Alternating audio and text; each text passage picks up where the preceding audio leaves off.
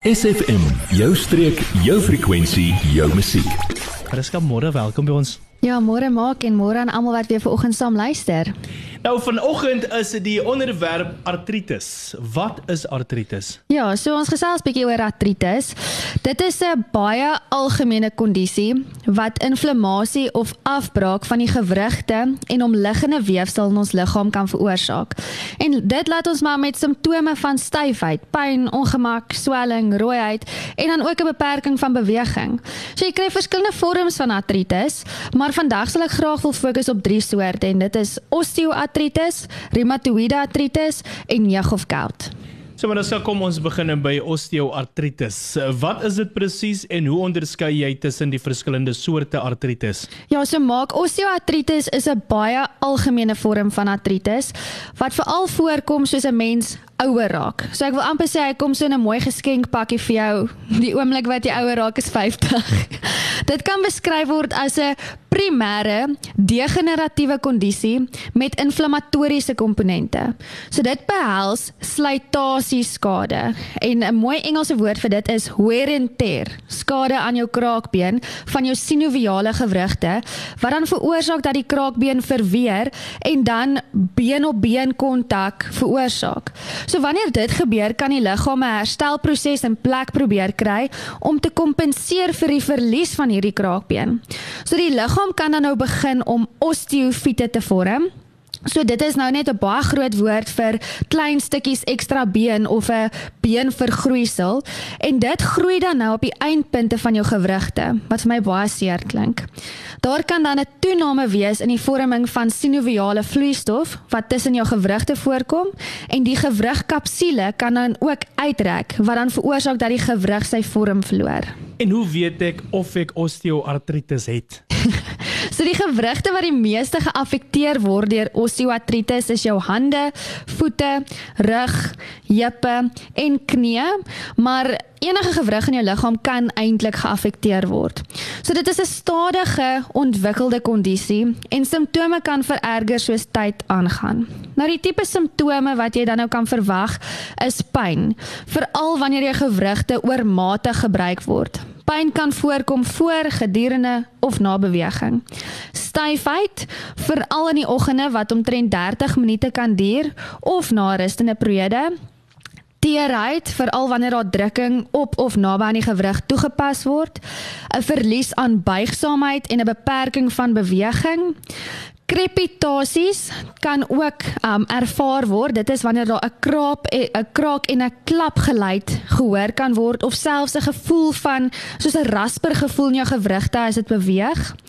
Harde beenformasies wat gevoel kan word as gevolg van die osteofiete wat vorm swelling as gevolg van die sagte weefselskade om die gewrigte en dan is dit ook belangrik om te onthou dat osteoartritis nie noodwendig koors, gewigsverlies of baie warm en geswelde gewrigte veroorsaak nie. En dan laasens voor ons na die musiek gaan, Mariska, wat maak dat jy 'n risiko staan om osteoartritis te ontwikkel? So jou risikofaktore sluit in soos ons gesê het ouderdom. Hoe ouer jy raak, hoe hoe meer staan jy 'n risiko om osteoartritis te kry. Vrouens is baie meer geneig tot osteoartritis. Obesiteit, verhoog ehm um, verhoogde gewig dra by tot die stres wat dit op jou gewrigte plaas.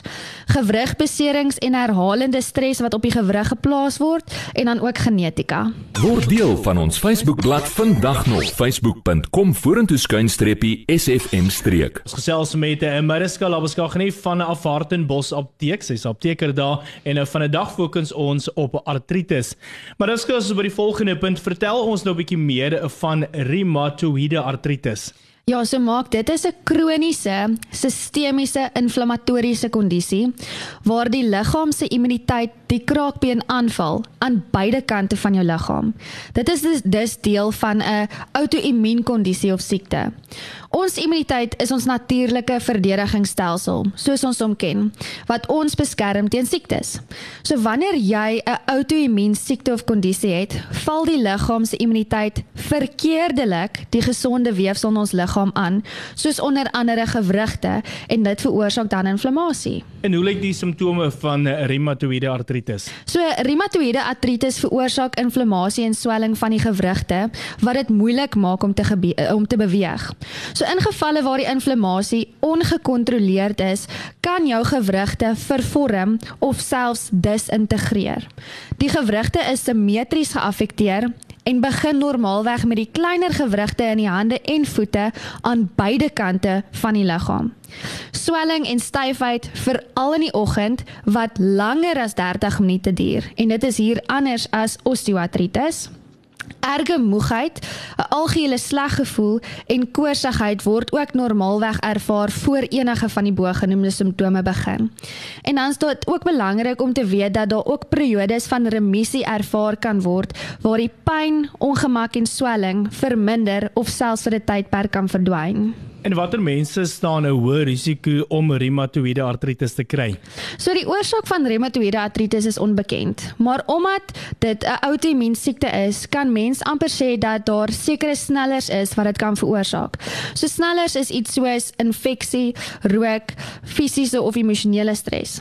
Dan vrouens is baie meer geneig om reumatoïede artritis te ontwikkel as wat mans is. Dit is ook geneig om voor te kom in middeljariges, alhoewel dit onder enige ouderdom kan voorkom. Indien jy 'n familiegeskiedenis het van reumatoïede artritis, staan jy ook 'n hoër risiko om te om te rook, maak dat jy ook 'n hoër risiko staan en dat jou simptome ook kan vererger en dan ook obesiteit kan jou risiko verhoog. En is daar leefstyl aanpassings wat 'n mens kan maak om te help met reumatoïede artritis? Ja, so jy moet jy moet jou liggaam leer ken. Rus wanneer jou gewrigte ontsteek is. Moet nie ekstra stres en spanning op jou gewrigte sit nie. Dit kan verdere skade veroorsaak. Maar in die teendeel wil ek ook sê dat oefening kan dit verbeter.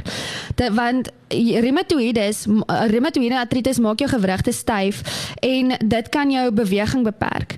So jy moet sover jy kan jou soepelheid en jou spierkrag probeer behou want dit kan jou gewrigstabiliteit verhoog en dan ook jou pyn en jou moegheid dan verminder. SFM, jou streek, jou familie, jou mense. SFM. Gesels met Mariska Labeskagni, apteker van Hartenbos Apteek en uh, vandag is dit die groot onderwerp artritis waarop ons fokus. Nou ons het nou al twee ander punte aangeraak, maar nou gaan ons 'n bietjie gesels oor jeug of gout soos wat baie van ons dit ken, wat ook 'n deel vorm van 'n soort van artritis, Mariska. Ja, so jeug of gout staan bekend as die kondisie van die konings en die koning van kondisies. Dit is een van die oudste siekte toestande in die mediese literatuur en dit dateer terug na 2640 voor Christus. Dit word geassosieer met ryk kosse en alkoholinname. Nou jeug is 'n kristal geïnduseerde artritis. So dit is wanneer jou liggaam nie kan ontslaa raak van die urinesuur nie. Die oormatige urinesuur vorm dan kristalle in die gewrigte wat dan erge inflammasie, pyn en swelling veroorsaak. En dit affekteer normaalweg die groottoon, knie en handgewrigte. Nou lyk like gout of jeug vir ons. Ja, so gout is meer geneig om erger te raak soos wat die dag aangaan. Terwyl die ander twee bogenoemde artritis baie keer meer geneig is om beter te raak soos wat die dag aangaan. So gout veroorsaak 'n rooi, warm, geswelde gewrig wat soms blinkerig en glad kan lyk.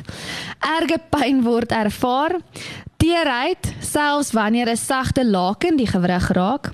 Die gewrig kan selfs aan die aan die brand voel.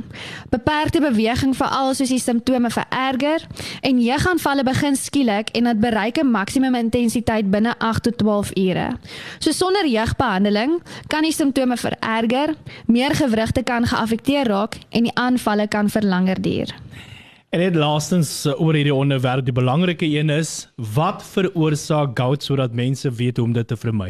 Ek dink baie mense ken die antwoord, maar jou liggaam vorm urinesuur om purine af te breek. So purine kom natuurlik in ons liggaam voor, maar ook in sekere kosse soos rooi vleis en orgaansoort vleis soos lewer. Sekere seekosse soos sardien, mossels en tuna het ook purine in. So alko alkoholiese drankies soos bier en drankies met fruktose suiker suiker is ook hoog in purine. En dit verhoog dan nou die urinesuur in die liggaam. So wanneer daar te veel urinesuur in die liggaam is, het dit is as gevolg van die kos wat jy eet of jou liggaam wat te veel urinesuur maak, kan dit uraatkristalle vorm in die gewrigte en omliggende weefsel wat erge pyn, swelling en inflammasie veroorsaak. So dis is die volgende alles risikofaktore van jag. Dieet, soos ons hierbo genoem het, verlaag kosinname wat hoog is in purine, gewig, want jou liggaam produseer meer urinesuur wat veroorsaak dat jou niere sukkel met af te breek, sekere medikasie en mediese kondisies, familiegeskiedenis van jeug en dan nou is mans baie meer geneig tot jeuginvalle, veral tussen die ouderdom van 30 en 50 en dit klink vir my so goed soos die wat nou voor die TV sit met 'n bier in die hand en 'n pakkie droewors in die ander kant. Dit is presies wat ek nou wil genoem het want nou moet ek my hele leefstyl verander. Internasionale rugby het nou begin en my Saterdagprogramme Springbokke begin om 5:00, 'n stytjie op die vuur en 'n bier in die hand en go bokke. Dis wat dit is. Maar dis ja, ja, laastens waar kan luister as jy hulle in die hande kry. Veral jy wat dalk nou die rugby gaan geniet. Ons is oorkant reg uh, reg oorkant Laerskool Hartenbos. Uh Hartenbos apteek. Ons uh kontaknommer is 044 695 1510 of ons Facebookblad Hartenbos apteek dieet. Asai, baie baie dankie mooi ja, dag vir jou. Dankie Mark. Adverteer jou besigheid vandag nog op SFM. Vir meer inligting skakel SFM gerus by 044 801 7811.